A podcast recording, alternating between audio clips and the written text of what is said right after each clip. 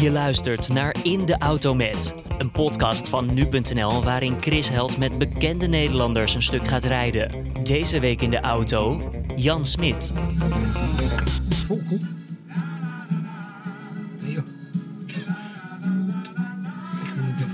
Dat doen. Nee, wacht nou. God. De V. Nee, wacht. Ja, wacht. Oké, komt ie hè.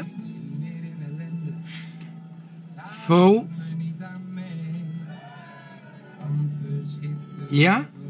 Is dat wat nu gebeurt? We zijn begonnen. Wat er nu gebeurt. Jan Ja? Smit stapt bij iemand anders in de auto Ja? en wil dan zelf eventjes de route uitstippelen. Nou, omdat hij ik- denkt, hij denkt als, laat mij maar doen, want dan komt het goed. Nou, nee, maar ik weet, weet je, dan voer ik mijn adres in. En als ik dat aan jou moet zeggen, dan moet jij dus dat intoetsen, dan duurt het langer. Daar ga je al vanuit. Nou, jij moet toch eerst luisteren wat ik zeg en daarna typen. En je hebt net op drie keer volkel gedrukt. Omdat ik, dat ik deze navigatie niet kende. Eh, allereerst, gefeliciteerd met je verjaardag. Mag nog Dankjewel. wel. En de beste wensen. En de beste wensen. 33 geworden. Ja. Weer een Diepe jaartje erbij. zucht. Nou, ik, ik zat toevallig, waren wij met, eh, met een aantal vrienden vorige week. Toen hadden we het daarover. Dat Ja.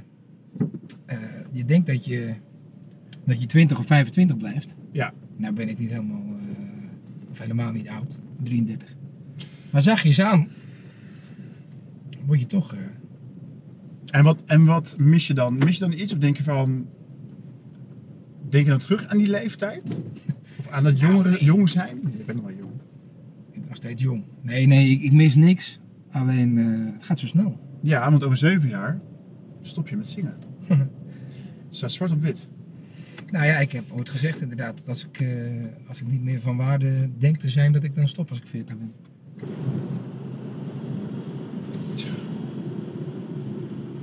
Lag er een, lag er een, andere, een ander plan? Alternatief? Ja? Nee. nee. Echt niet?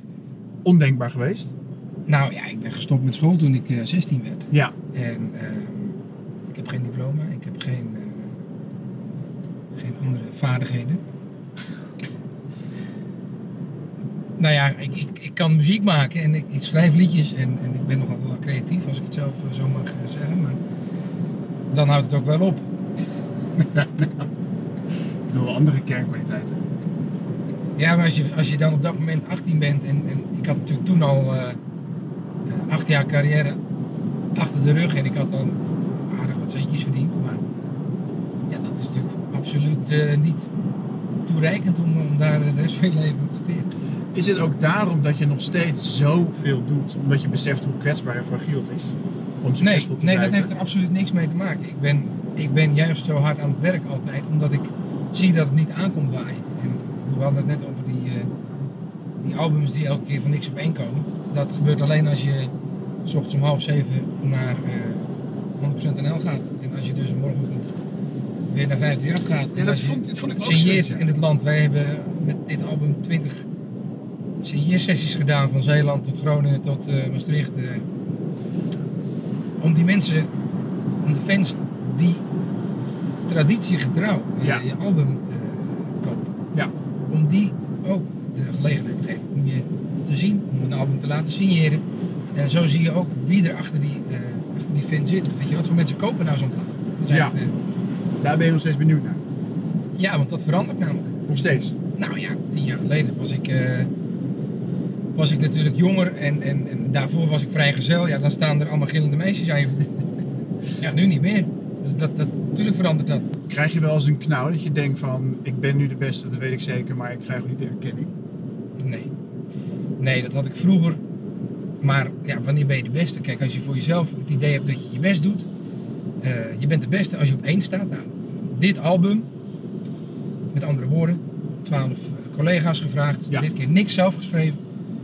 Dat is dan extra moeilijk, vind ik. Ja. Omdat het eh, ook voor de vaste fans, die, die moeten toch Ja. die kopen iets waarvan ze niet weten wat het is, wat het wordt.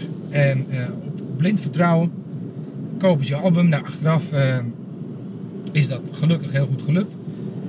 Maar ja, die komt dan ook op één. Nou, dat vind ik dan, dat is dan zo'n leuke uitdaging waar ik twee jaar mee bezig ben geweest. En dat, en dan moet je wel vervechten. Ik vond het een te gek project. Het is een beetje flauw om te zeggen dat ik dat wel, wel misschien wel voor mij het leukere album vind. Ja, maar dat, dat willen we bereiken. Ja, precies. Maar wat ik het enige wat ik misschien een beetje laf vind, is dat je wel met je vaste producent werkt. Ja.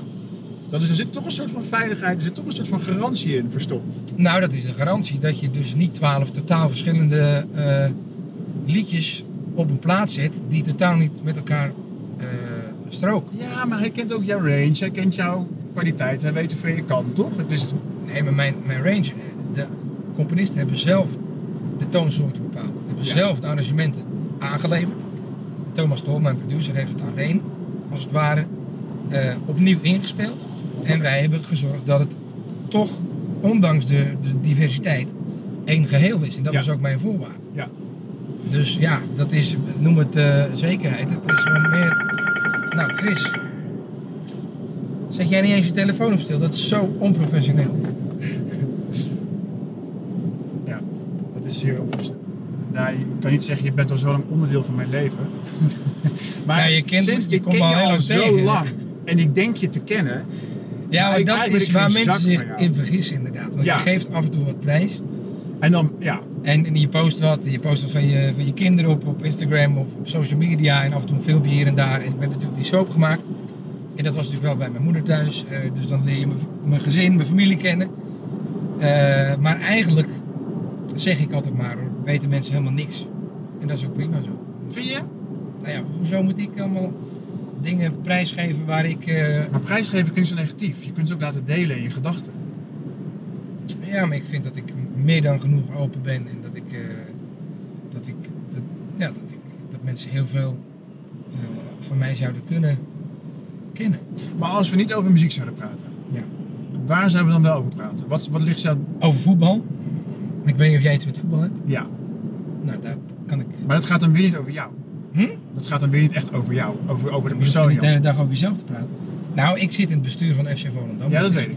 Dat is mijn passie. Dan gaat, dan gaat het wel over mij. Want dat is namelijk wat ik het allerliefste doe. Dat is gewoon voor mijn club eh, zoveel mogelijk eh, geld proberen binnen te halen. En zoveel mogelijk... eh, Als ik zo naar huis ga, dan ben ik, heb ik, ben ik wat, wat ben ik nou over Jan te weten gekomen wat ik nog niet wist. En ik vond het juist leuk ook dat, maar nogmaals, dat toen je met die navigatie aan het kloten was, toen zag ik wel een beetje, denk ik, zo van wie Jan Smit is. Ik doe het wel zelf. Laat mij dat maar even doen, Ja, anders duurt het te lang. Ik heb graag de, de touwtjes in handen. Terwijl dat helemaal niks uitmaakt, want het is in principe jouw auto. Je, je bent, ik ben te gast bij jou. Maar dat is misschien een hele rare eigenschap. Maar dat besefte ik pas toen je het zei. Snap je? Dat is gewoon iets in mij dat, dat, dat denkt van laat maar, dat doe ik zelf. Ik wil één persoonlijke vraag stellen, uit, uit niets. Je mag zelf even je antwoord geven. Jij bent sinds je tiende zit je in deze business. Ja. Jouw huidige vrouw weet, wist aan- waaraan ze begon. Dus het klinkt even negatief, maar die wist, wist gewoon. Nee, helemaal niet. Dat is, dat is helemaal Maar wat is jouw, wat vind jij is het juiste man-vrouw beeld? Vind je het belangrijk dat een vrouw thuis is om voor de zorgen? En ik, en ik beloof je, ik ga je geen kop van maken. Nou, dat Wat je zegt. Je mag er een kop ook van maken. Ik vind dat, eh, allereerst wat ik vind, dat heeft te maken met onze situatie. Mhm.